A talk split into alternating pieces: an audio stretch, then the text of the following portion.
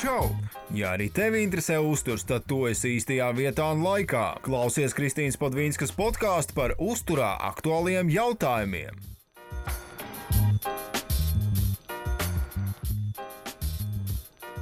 Šodien mēs parunāsim par tādu diezgan aktuālu tēmu. Manuprāt, īpaši tagad, kad uh, atkal visiem drīz liks sēdēt mājās, nu, pat nebūs tik traki. Bet, jā, par, par, par, par aptaukošanos. Un, un kas tas vispār ir, ko darīt, ko nedarīt, un, un, un kāds ir tās mūsu domas varbūt par šo tēmu. Tātad palielināts svars un aptaukošanās tiek definēts kā patoloģiska vai pārlieku liela tauku akumulācija organismā, kas var nodarīt kaitējumu veselībai.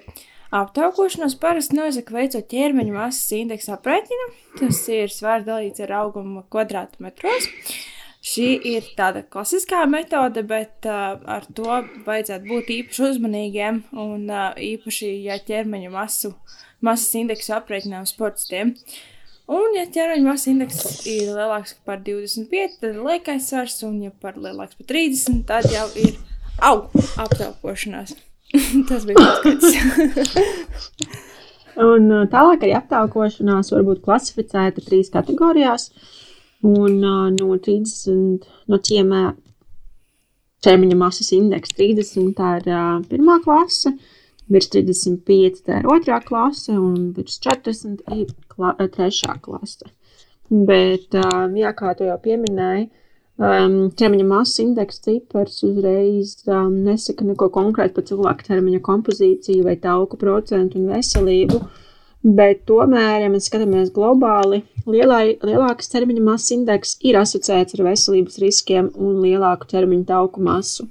Bet tā ir nu, asociācija, un nevienmēr tiem, kuriem ir augsts ķermeņa masas indeks, ir aptaukošanās, jo, piemēram, uh, Ja ir lielāka muskuļu masa, samazināts tauku procents, piemēram, tie paši sportotāji, kur trenējas sporta zālē, vai bodybuilderi, kultūristi, tad tur būs mazliet savādāk.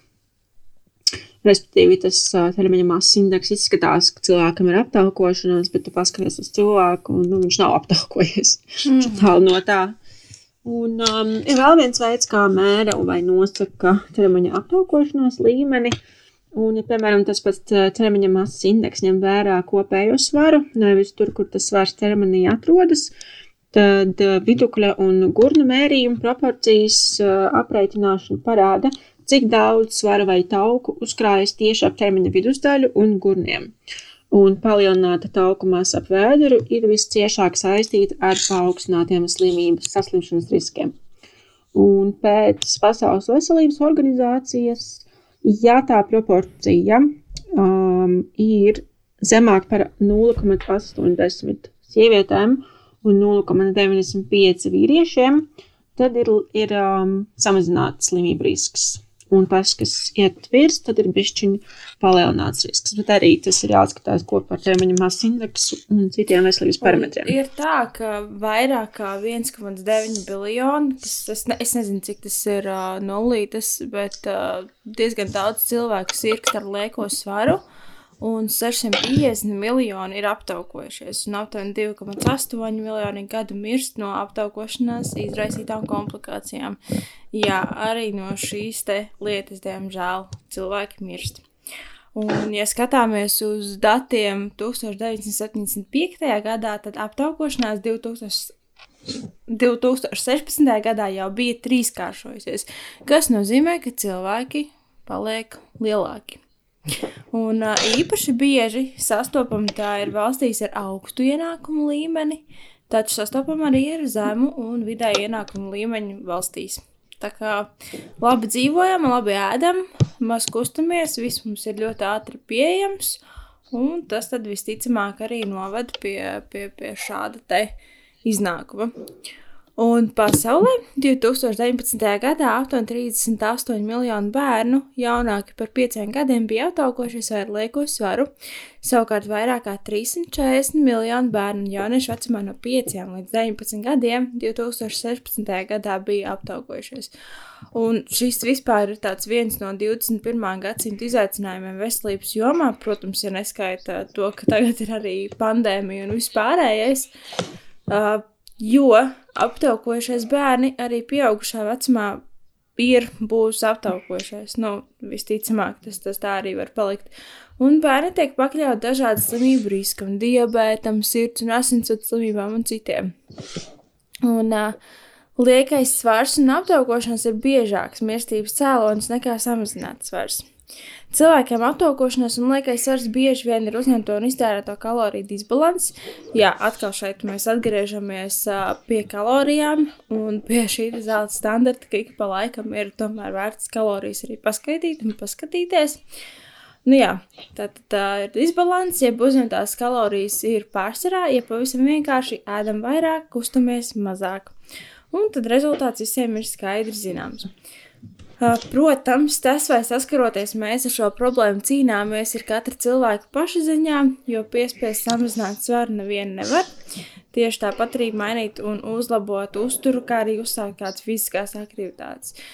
Bieži vien cilvēki it kā apņemas kaut ko mainīt, bet tikpat ātri šī vēlēšanās pazūd, jo samazināt svaru ir grūti un nērti. Un šajā brīdī ir ļoti svarīgi, ka apkārt ir cilvēki, kuriem var sniegt atbalstu, palīdzēt šajā netik vieglajā un vienkāršajā ceļā, jo, lai sasniegtu rezultātu, ir jāstrādā nu, nekāds, man liekas, baigais uh, rocket science tas nav. Un nav arī nekāds valsts noslēpums. Un, ja runājam par bērniem, tad šeit ļoti liela loma ir tieši vecākiem. Un, uh, jā, es vēl diezgan spilgtā atmiņā atceros, kā šo izteikumu reiz norāvos no kāda vecāka. Uh, kā es tā atļaujos uh, teikt, ka vecāki paši ir vainīgi un atbildīgi, ka viņa bērns ir aptaukojies.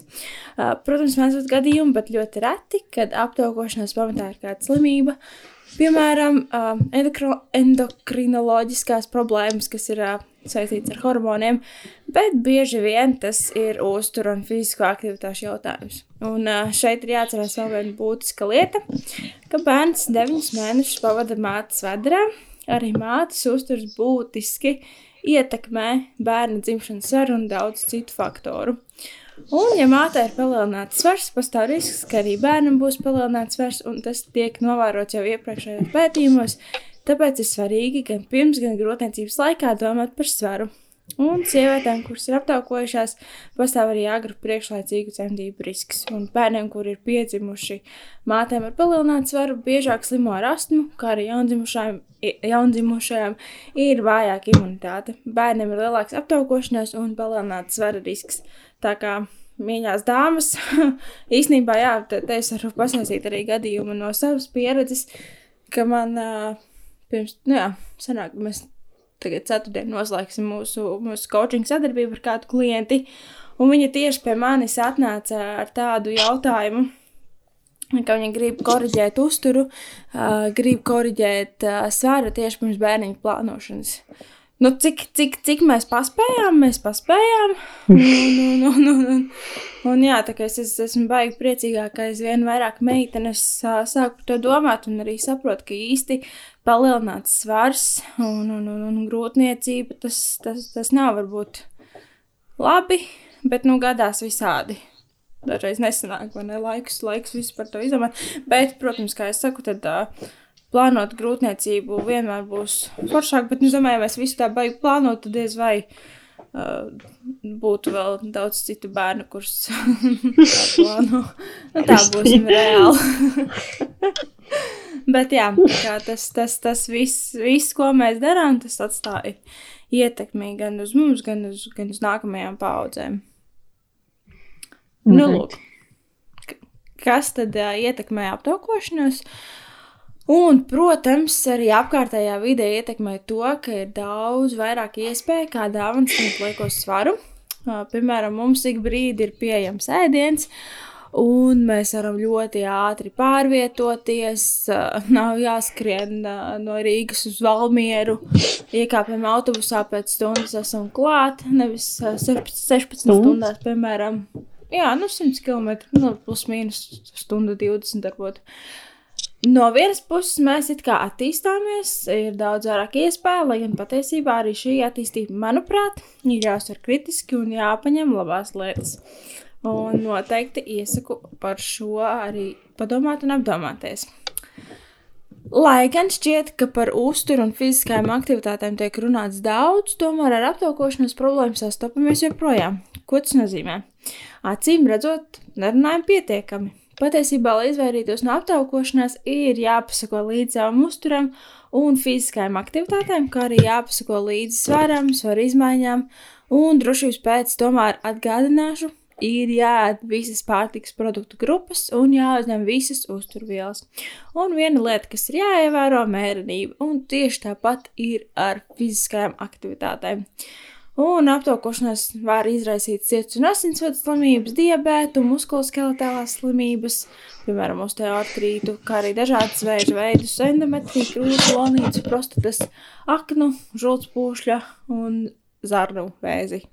Oh. Protams, arī šīm slimībām ir arī citi riska faktori, piemēram, maskustīgas dzīvesveids, smēķēšana, pārmērīga alkohola lietošana, ģenētika. Bet, ja mēs tā padomājam, tad uh, tie faktori var būt daudz saistīti. Nevis tikai viens, bet uh, pāris no tiem. Un, uh, mēs tieši tagad uzsākām savas maģistra studijas, un mums lekcija, uh, viena no šīs nedēļas lekcijām bija par uh, aptaukošanos un diabētu. Un tur bija uzsvērts, cik ļoti daudziem cilvēkiem tāpat aptaukošanās ir uh, multifaktor, faktor, multifaktoriālās. Ja, Kristīna? Faktorija, multifaktoriāla. jā, tieši tā. Slimība. Daži cilvēki tiešām ir um, ar, uh, nu, viņiem ģenētiski ir uh, lielāka iespēja kļūt aptaukumi. Jā, bet tā ir iespēja. Protams, nē. Jā, bet mm. tas tieši tā, kā es gribēju turpināt, ka tā iespēja pastāv, ka viņi ir vairāk, nu, ka lielāka iespēja, ka viņiem būs tas liekais svars. Bet mūsdienu dzīve un tā kā sanāk tagad ēst un nekustēties burtiski, tas tik ļoti akcentē to ģenētisko um, iespēju, ka tas tiešām tā arī notiek. Un dažiem cilvēkiem ir daudz grūtāk vai vieglāk, vieglāk tikt pie tā nu, līdz aptaukošanos. Tā arī ir. Bet tomēr mm ģenētikai ir loma. Protams, bet bieži vien cilvēks savu slinkumu no, novērtē. Protams, galvenais ne, neizmanto to kā attaisnojumu. Jā. Šomēr, jā. Ar aptaukošanos ir tā, ka tā var parādīties jebkurā vecumā, arī bērniem, bet ar vecumu risks paliek lielāks. Nu, loģiski. Uh, Hormonālās izmaiņas, mazāk aktivitāšu, tas viss var novest pie aptaukošanās. Un mazāka muskuļu masa, uh, ir lēnāks metabolisms, un šādi arī tiek uh, mainītas kaloriskās vajadzības. Tāpēc ir svarīgi regulāri sekot līdzi svaram, kalorijām un aktivitātēm. Protams, arī grūtniecība var ietekmēt aptaukošanos, un grūtniecības laikā pieņemšanās sarā ir normāla parādība. Taču tikpat normāli ir tas, ka svars atgriežas kā, vec, vecajā, kā tā pasaka, nu, principā tu dabūji atpakaļ tā paša svaru, kas tā bija arī pirms grūtniecības.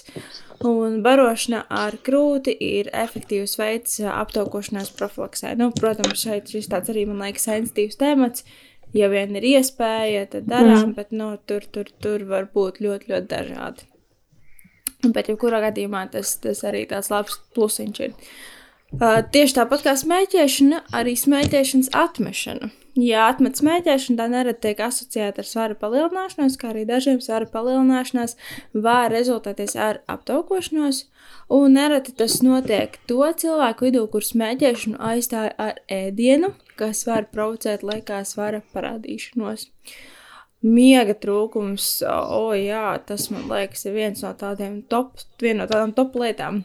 Mhm. -huh. Un miega trūkums vai tieši otrādi, ja guļam par daudz, organismam var notikt uh, hormonālas izmaiņas, kuras var izmainīt apetīti. Ja neesmu pietiekoši gulējis, var pastiprināties sāpēm pēc produktiem, kur ir daudz kaloriju, kā arī pēc ātriem ugļhidrātiem, kuri ātri dod enerģiju un kura netika iedota miega stundās. Nu, vienkārši kompensējam. Par miegu mums arī ir vesels podkāsts.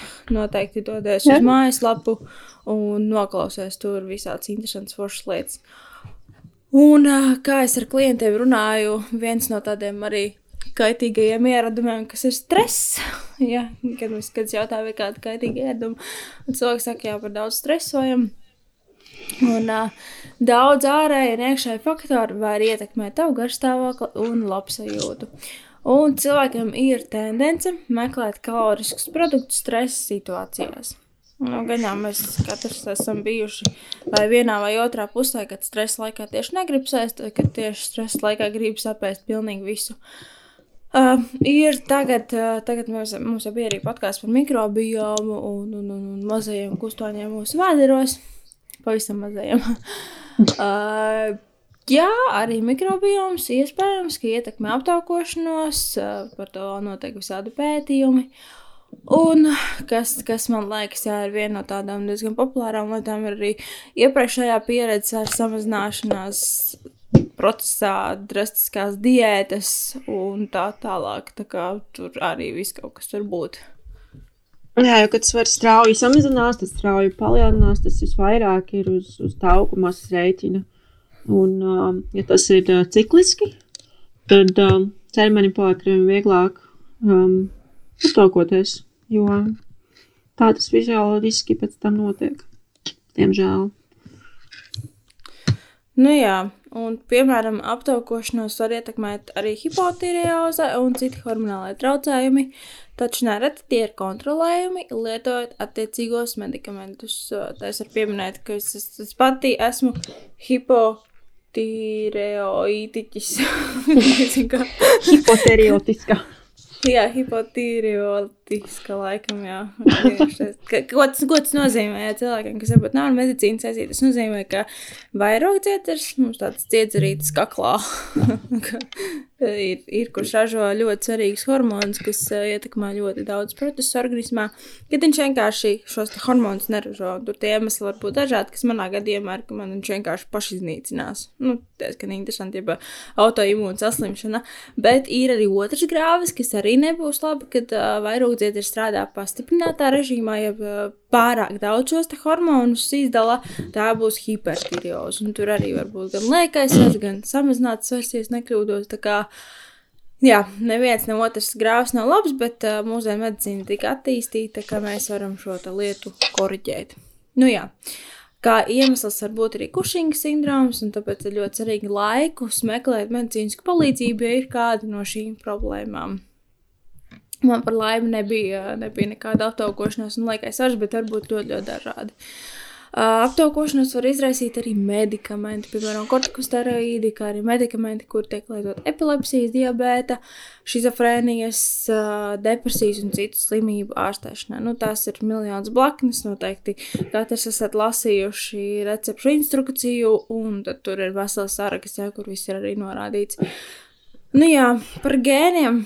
Gēnijā, kā mēs runājām, tad, nu, nevajadzētu varbūt visu novelt uz ģenētiku. Protams, ir reti iedzimti ģenētiski stāvokļi, kas var provocēt aptaukošanos un būt kā iemesls, kāpēc cilvēki nevar zaudēt svaru. Un es tev, man liekas, arī Jāna toreiz uh, sūtīja par to meitenīti. Es, es nezinu, cik, cik tur patiesi. Jā, laik, laikam bija. Tas FTO gēns arī, jā, jā, tas leptīns, leptīns, leptīna gēns un daži gēni, kas saistīti ar uh, insulīna sekreciju un insulīna rezistenci. Mm -hmm. Tie ir tie, pa kuriem es, es, es nenosaukšu precīzi, tas tik komplekss, Kristīna. Oh, jā, bet, bet, bet tādas, tādas stāvokļi ir. Jā. Vai visiem? Nē, tas ir reti. Bet, uh, nu, un vai arī jautājums, vai mēs varam to tā pārbaudīt? Ziniet, kā jā, nu, jā. netaisot uh, ģenētiskos testus speciāli, kas nav tik man šķiet plaši pieejami pašlaik. Nu, Ziniet, kā, tā kā aiziet uz maksimumu, taisīt ģenētisko testu. Mm -hmm. Lieta, no, tas ir kvalitatīvi. Jā, es, es vairāk par to, ka nu, nevajag visu novelt uz ģenētiku. Ir jāpaskatās, Jā. tomēr, ja, protams, tu dari visu iespējamo, es maksimāli tiešām bijis godīgs pret sevi, godīgs ar, pret speciālistu, ar kuru tu varbūt strādā kopā, un tiešām nekādi, tad var būt, jā, bet arī tad jāpaskatās, vai viss, viss ir tā kā, jā. pareizi, pareizi sas, sas, sas, salikts un aprēķināts un tā tālāk. Un, jā, Reizēm varam iegūt no vecākiem lielāku apetīti un tā tālāk, bet tas neietekmē to, vai varam vai nevaram samazināt svaru. Un lielākajā daļā gadījumu palielināts svars tomēr būs mūsu pašu dēļ.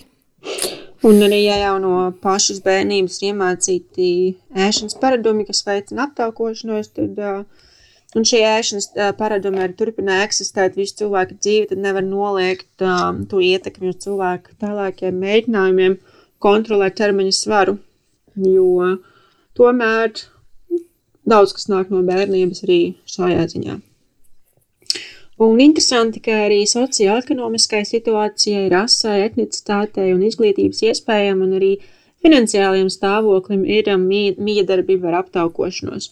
Valstīs, kur burtiski nav izglītības sistēmas vai izglītība nav brīvi pieejama visiem neatkarībā no statusa, tad arī aptaukošanās ir biežāka, jo cilvēki nav izglītoti par to, kas ir aptaukošanās un kāpēc ir jākontrolē ķermeņa svars un ķermeņa taukumās. Nu, jā. jā. Uh, tie iemesli var būt ļoti, ļoti daudz un dažādi. Un, un, un, un, un nu, vienkārši pas, pasakojiet līdzi, vai iemesls neesat jūs paši primāri. Un tad tā, tālāk meklēt, kas, kas varētu būt tā lielā problēma. Jā, bet kas man liekas, mūsdienās viena no tādām lielām problēmām ir stress. Un tas tiešām provocē aptaukošanos. Un ir ļoti daudz ceļu, kā stress ir saistīts ar aptaukošanos. Pirmkārt, stress darbojas kā traucēklis daudzos kognitīvajos procesos. Otrakārt, stress var ietekmēt uzvedību, veicināt pārēšanos un tādu produktu, kurš atrada daudz kaloriju, tauku un cukuru uzņemšanu. Tieši tāpat stress var samazināt fiziskās aktivitātes, kā arī traucēt miegu. Un treškārt, stress var ietekmēt dažādas fizioloģiskās izmaiņas, uh, hipotalāma, hipofīzes un virsniera asī, kas var atstāt lielu ietekmi uz smadzenēm un iespējams arī uz zarnu mikrobijām. Un visbeidzot, stress var ietekmēt tādu bioloģiski aktīvu vielu, hormonu un peptīdu sintēzi kā leptīns, grelīns, neiropeptīds, Y. Un šie te visi ir uh, apetīts un sādi hormoni. Un no otras puses, aptaukošanās pati par sevi var izraisīt stresu, un tas sanāk tāds apburtais sloks bez mazai. Un uh, mūsu stresa sistēma ir attīstī, attīstījusies tāpēc, lai palīdzētu mums tikt galā dzīvību apdraudošās situācijās, kas senākos laikos bieži vien tika saistīts ar dažādām metabolām vajadzībām. Stresa sistēma ir atbildīga par to, lai tiktu atbrīvota glikoze, tā nonāktu asinsritē un lai mūsu muskuļiem pietiktu enerģijas darboties fight or flight režīmā. Līdzīgi tas ir arī ar apuļiem, dzīvniekiem un tā tālāk. Un mūsdienās lielākā daļa stresoru ir psiholoģiski. Piemēram, strīds ar laulāto, grūti brīži darbā, uztraukumi par naudas lietām, bērnu plānošana, kāzu plānošana un tā tālāk un tā joprojām. Un tie ir biežāki nekā fiziski stresi. Nu, nav mums tik daudz tādu fizisko stresu kā, kā, kā psiholoģisko. Tomēr mūsu ķermeņi joprojām rēģē tā, it kā stresa atrisināšanai būtu nepieciešama fiziska piepūle. Nu, Dažreiz, laikam, jā, vajag tam stresam, lai to stresu atrisinātu fizisku piepūli, bet um, reti. Tas novada pie situācijas, kad mums kaut kur lietot, nu, ka mums nav kur lietot enerģiju, un tā tiek novietot rezervēs kā ķermeņa tauki. Un tādējādi stress un vielmaiņas procesi ir savstarpēji cieši saistīti, un tas to pierāda arī epidemioloģiskie pētījumi, ka stress un ķermeņa masas indeks ir savstarpēji saistīti. Un runājot par miegu, arī tas ietekmē aptaukošanos pavisam vienkārši. Mazāk guļam, esam noguruši, negribam nodarboties ar fiziskajām aktivitātēm, un tas strādā arī otrādi. Nesportojam, mums ir slikts miegs. Un nedrīkst aizmirst par to, ka aptaukošanās pati par sevi var būt kā stresu izraisošs faktors. Ko vēl mēs darām stresa laikā? Nereti ēdam. Uh, piemēram, šokolādītē Milky Way bija sāklis komforts katrā batoniņā. Mm. oh, vai ne? Šausmīgi saldi. Jā. Bet uh, Jā. šī reklāma ļoti labi atzīmē situāciju, situāciju fenomenu, kad cenšamies apēst savas negatīvās emocijas stresa brīdī. Uh, protams, cilvēks stresa situācijās ēd dažādi, bet vairums izsauc pārtiku. Kas tas bija? Ūdens.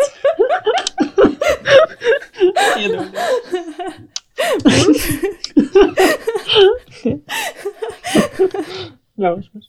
Es atvainojos. Nē, te pudeles siltiņa.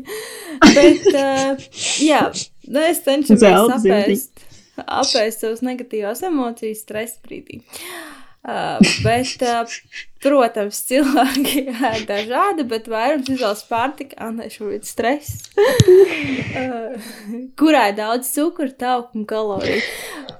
Un kas ir interesanti, cilvēki nav vienīgie, kas sastopas ar ēšanas stresa laikā. Šādu parādību, piemēram, novēro džurkām un maziem mērkaķīšiem. Jā.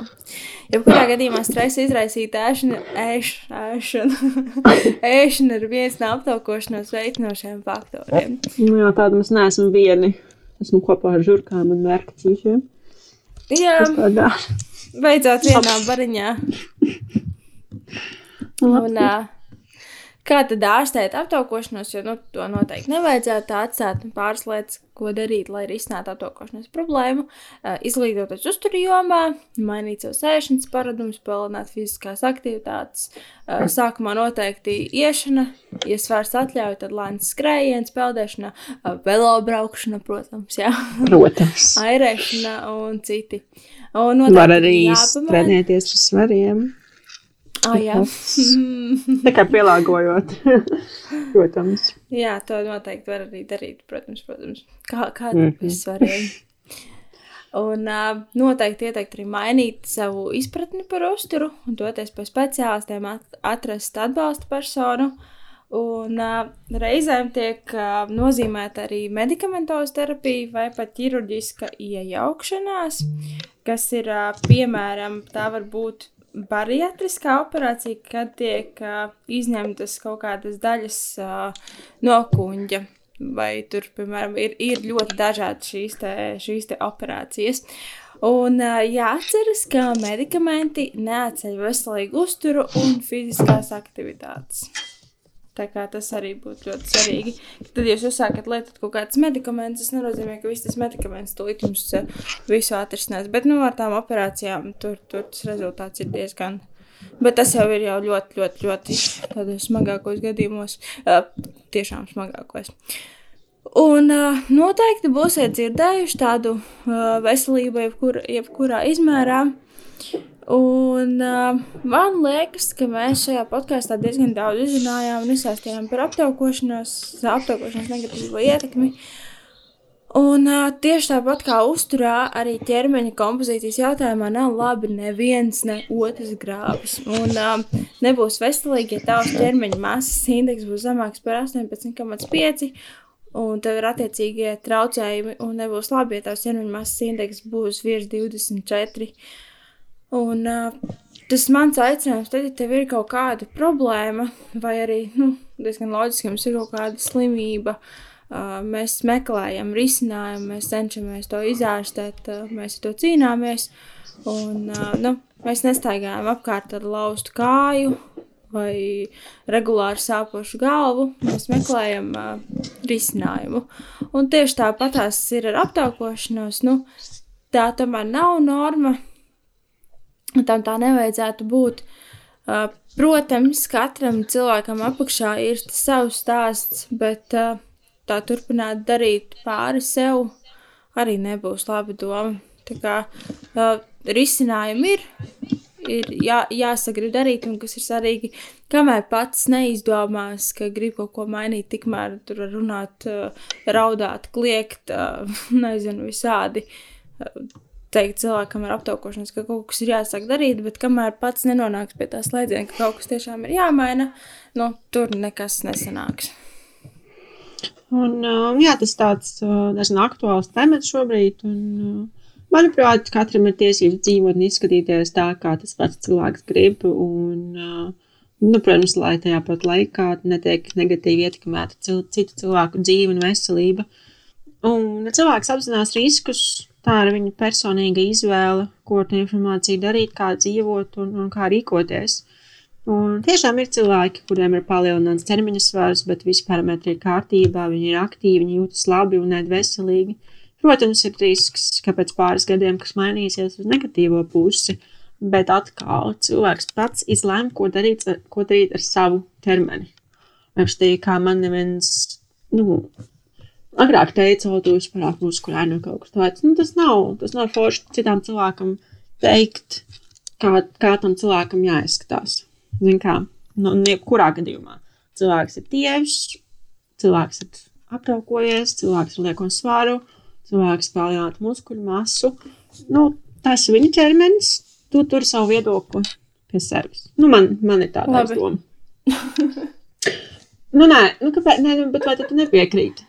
Nē, nē, es, es piekrītu. Es vienkārši. Nu, Nu, zini kā, tas, Ir, ir tie cilvēki, kas tā kā.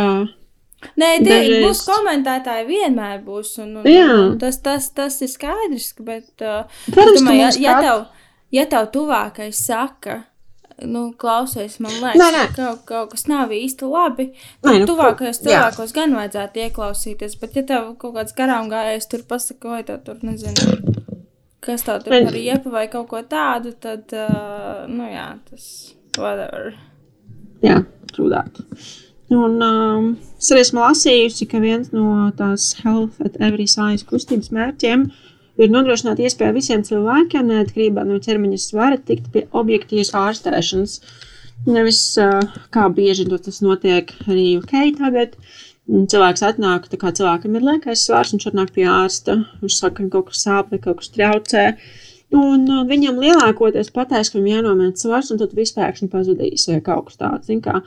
Un kad līdz galam pat neizpēta vai nu, neuzstājas visas vajadzīgas analīzes vai procedūras, lai um, saprastu, ir kaut kāds dziļāks iemesls. Un uh, tā arī um, cilvēks, kuram kaut kas sāp, vai viņš no kaut kā cieš, viņš nesaņēma to uh, atbalstu un to palīdzību, kas viņam būtu jā, jāsaņem. Un uh, arī man ir uh, bija, man, man bijusi kliente, un arī viņam bija višķi smagāk par 70 kg.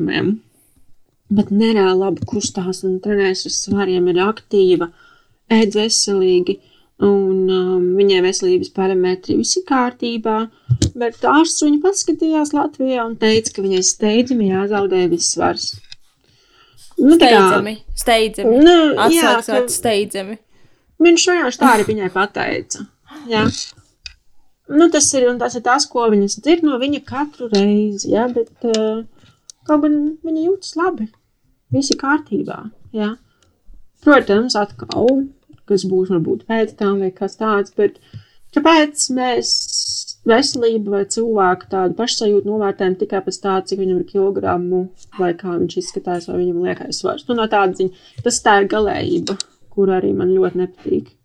Viņš šķiet kaut kā Labi, bet, bet būsim godīgi, Anna. Nu, tavs profesionālais skatījums, un mans, bet tu redzi, vai ne? Nu, tu pat, tu pat tā, varbūt tu nedomā tās domas, bet tāpat tu ikdienā staigā un tu redzi, kas, kas notiek apkārt. Nē, es noteikti es redzu, un es tev pilnībā piekrītu, bet um, būt, kāpēc mēs, piemēram, redzam cilvēku ar lieko svaru, re, kur viņš pērk kaut kādu, nezinu, būciņu vai kaut kas tāds, un parāda tādu domu, o, varbūt viņam tas nav jāēd, jā.